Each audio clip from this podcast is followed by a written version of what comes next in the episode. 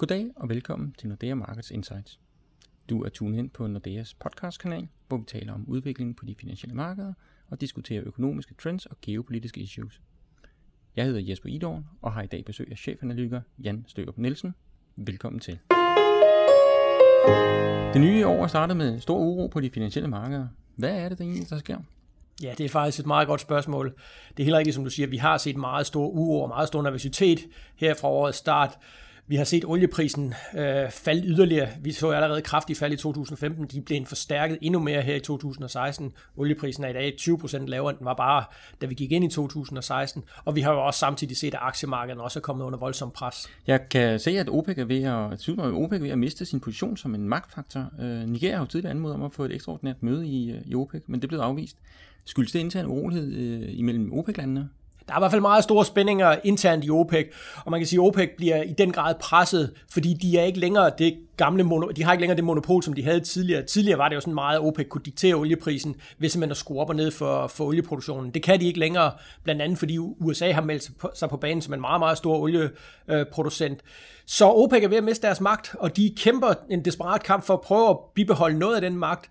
Øh, og en af måderne, de kæmper den her kamp på, det er altså ved at blive ved med at producere, selvom olieprisen bliver ved med at falde. Så man kan sige, at i gamle dage, jamen der havde de skruet ned for olieproduktionen i det øjeblik, at de så så kraftige prisfald på olie. Det gør de ikke, fordi de lige nu kæmper en kamp om hovedet at, at have deres eksistensberettigelse. Du nævner selv, at USA er, er en stor spiller på oliemarkedet, men Iran er jo også ved at melde sig på banen igen øh, med deres nye atomaftale. Betyder det, at vi igen ser Iran som en stor spiller på markedet? Ja, det vil vi formentlig komme til. Øh, ved at Vesten har ophævet deres sanktioner med, med Iran, jamen så er det klart, at Iran har meget store oliereserver, og dem har de i den grad øh, et behov for at sende ud på verdensmarkedet. Så Iran øh, tror jeg, vi igen vil komme til at fylde rigtig meget på oliemarkedet. Og det er jo også en af grundene til, at prisen falder så kraftigt lige nu. Fordi der er jo ikke nogen hemmelighed, at Iran og Saudi-Arabien ikke er de bedste venner. Og der kører altså også et internt magtspil mellem de her to meget store olieproducenter. Simpelthen om at, at få afsat deres olie og sørge for, at den anden ikke får for meget indflydelse. Øh, så det er også en af forklaringerne på, hvorfor vi ser de her kraftige prisfald. Hvis vi så vender blikket mod øh, Kina, både med hensyn til olieprisen, men også sådan generelt. Kina ser jo ikke ud til at aftage helt så meget olie som tidligere, på grund af udsigten til en svagere vækst. Hvordan påvirker det øh, faktorerne her? Jamen det er helt rigtigt, og så er vi så over på efterspørgselssiden. For det var jo udbudssiden, hvor der bliver produceret rigtig meget olie. Men også på efterspørgselssiden, der er der jo også meget uro, og det, det er navnlig relateret til Kina, den vækstafmatning, der foregår lige nu i Kina, og som vi jo kan se af nøgletallene. Og så kan man altid diskutere, om nøgletallene faktisk maler et for pænt billede af, hvad der reelt sker i Kina, men de kinesiske nøgletal er blevet svækket relativt kraftigt igennem en periode nu, fordi Kina er i gang med den her store omstilling væk fra at være drevet af investeringer, væk fra at være drevet af eksport, til meget mere at være drevet af sådan en mere moderne økonomi, ligesom vi ser herhjemme, af privatforbrug, af servicesektor. Og den her omstillingsproces, den er altså ekstremt svær for dem at styre. Og det gør altså, at de blandt andet kommer til at efterspørge mindre olie, end de har gjort tidligere. Når man nu har talt lidt om uroen på de eksterne markeder, så kunne jeg godt tænke mig at høre lidt, hvilken betydning har det her for renterne? Jamen normalt vil man jo sige, når der var så stor uro på, på aktiemarkederne, når vi ser så kraftig prisfald på olie, jamen så skulle det jo betyde, at renterne vil falde som en sten. De er også faldet renterne, men de er slet ikke faldet så meget, som man umiddelbart skulle tro. Øh, vi kan godt nok se herhjemme, at hvis vi bare tager den 30-årige boligrente, jamen så er kursen på, på 3% nu op omkring 100, og vi måske skal til at igen at, at tage lån i 2,5%.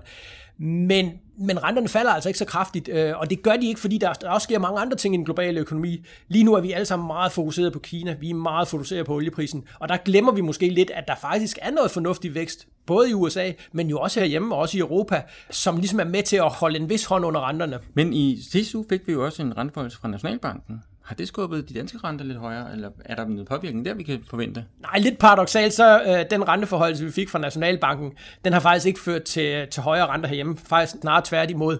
Og grunden til det, det er, at den var ventet.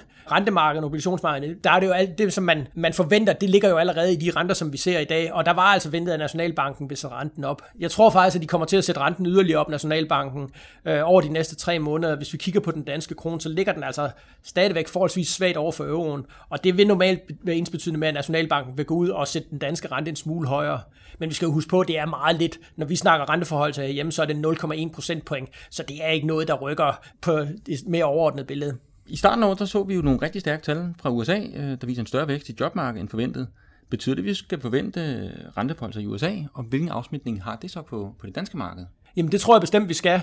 Uh, vi skal jo huske på, uh, i december, jamen der var den amerikanske centralbank ude at sætte renten op for første gang i, i næsten 10 år, og der signalerede de altså meget klart, at det var de villige til at gøre uh, ind i 2016, også ind i 2017. De regner selv med, at de skal omkring en procentpoint højere i 2016, og en yderligere en procentpoint i 2017 man kan sige, lige nu er der rigtig meget fokus på al den uro, der er på de finansielle markeder, om det kan ligesom få dem til at, at, at holde igen med de her renteforhold. Det så vi jo øh, tilbage i 2015, at på et tidspunkt, hvor der er finansiel uro, der har de ikke så meget lyst til at gå ud og sætte renten op. Men altså, jeg tror, at den amerikanske centralbank, nu nævner du selv det stærke arbejdsmarked, altså når vi kigger på grundlæggende på amerikansk økonomi, jamen så er det altså i en rigtig god forfatning, og der er plads til, at de kan sætte renten yderligere op. Så det vil de komme til. Det kan godt være, at de renteforhold så bliver skudt en smule på grund af den finansielle uro, men når det lægger sig, jamen så skal de altså til at sætte renten op, og det er noget, som både påvirker selvfølgelig de amerikanske renter, men det påvirker jo altså også vores renter herhjemme. Hvad, hvordan og hvor hurtigt skal, skal renterne så udvikle sig? Er det, er det her i starten af året, at man som boligejer måske skal overveje fastforrentet eller stadig holde fast i, i rentetilpasningerne? Hvis vi, hvis vi tager de lange renter, jamen så tror jeg, at vi vil se, at øh, over de næste par måneder skal de lange renter ikke så meget, og så vil de altså komme til at stige, fordi der er den her gode momentum i amerikansk økonomi, fordi den amerikanske centralbank kommer til at sætte,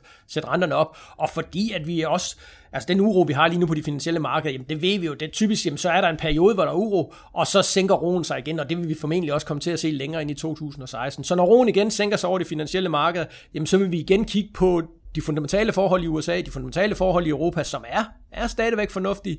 Og så vil man også begynde ligesom at sige, jamen så er der altså også plads til, at de lange renter skal, skal trække en smule højere.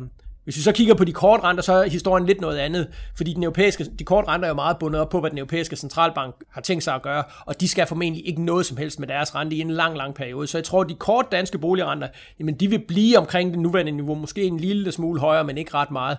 Det er navnlig de lange renter, hvor jeg tror, at vi vil se en bevægelse i opadgående retning. Nu taler du ud fra de her prognoser. Hvad er det, der kan gå galt i de her prognoser, når vi kigger lidt fremad? Hvad er det for en faktor, der spiller ind på det, vi kigger på? Jamen, der kan selvfølgelig gå rigtig meget galt i forhold til sådan nogle prognoser. Det er jo nogle, hvor vi forsøger at tage højde for rigtig mange ting, der foregår ude i verden, men vi må også, når man laver prognoser, så, så siger man også, jamen, man laver nogle antagelser om, men hvad er det for nogle ting, som ikke ændrer sig. Øh, og det er klart, der kan, der kan ske mange ting, både på de ting, man regner med, men også på de ting, man regner med ikke ændrer sig. Men noget af det, som jeg vil holde meget øje med, jamen det er selvfølgelig, hvad sker der på de finansielle markeder? Hvor længe var den her uro? Er det noget, som er overstået i løbet af en-to uger? Eller er det noget, som vi kommer ligesom til at trække længere ind i 2016? Det er rigtig vigtigt. En anden ting, der er rigtig vigtigt, det er i forhold til olieprisen. Hvornår kan vi ligesom sige, at vi kan se en bund på olieprisen? Hvornår ser vi en stabilisering på oliemarkedet? Måske også en, en øh, begyndende prisstigninger. Det er noget andet, som er vigtigt at holde øje med. Og endelig den tredje faktor, det er Kina. Hold øje med de kinesiske nøgletal. Jeg tror, de vil begynde at, at rette sig nu her. Jeg synes allerede, vi har set begyndende tegn på, at de kinesiske nøgletal bliver en smule bedre. Men det er også en helt afgørende forudsætning for, at 2016 bliver et år, hvor vi får noget mere vækst, og også hvor vi får lidt højere renter. Hvis du vil vide mere om, hvad der rører sig på de globale finansmarkeder, kan du besøge os på nordeamarkets.com.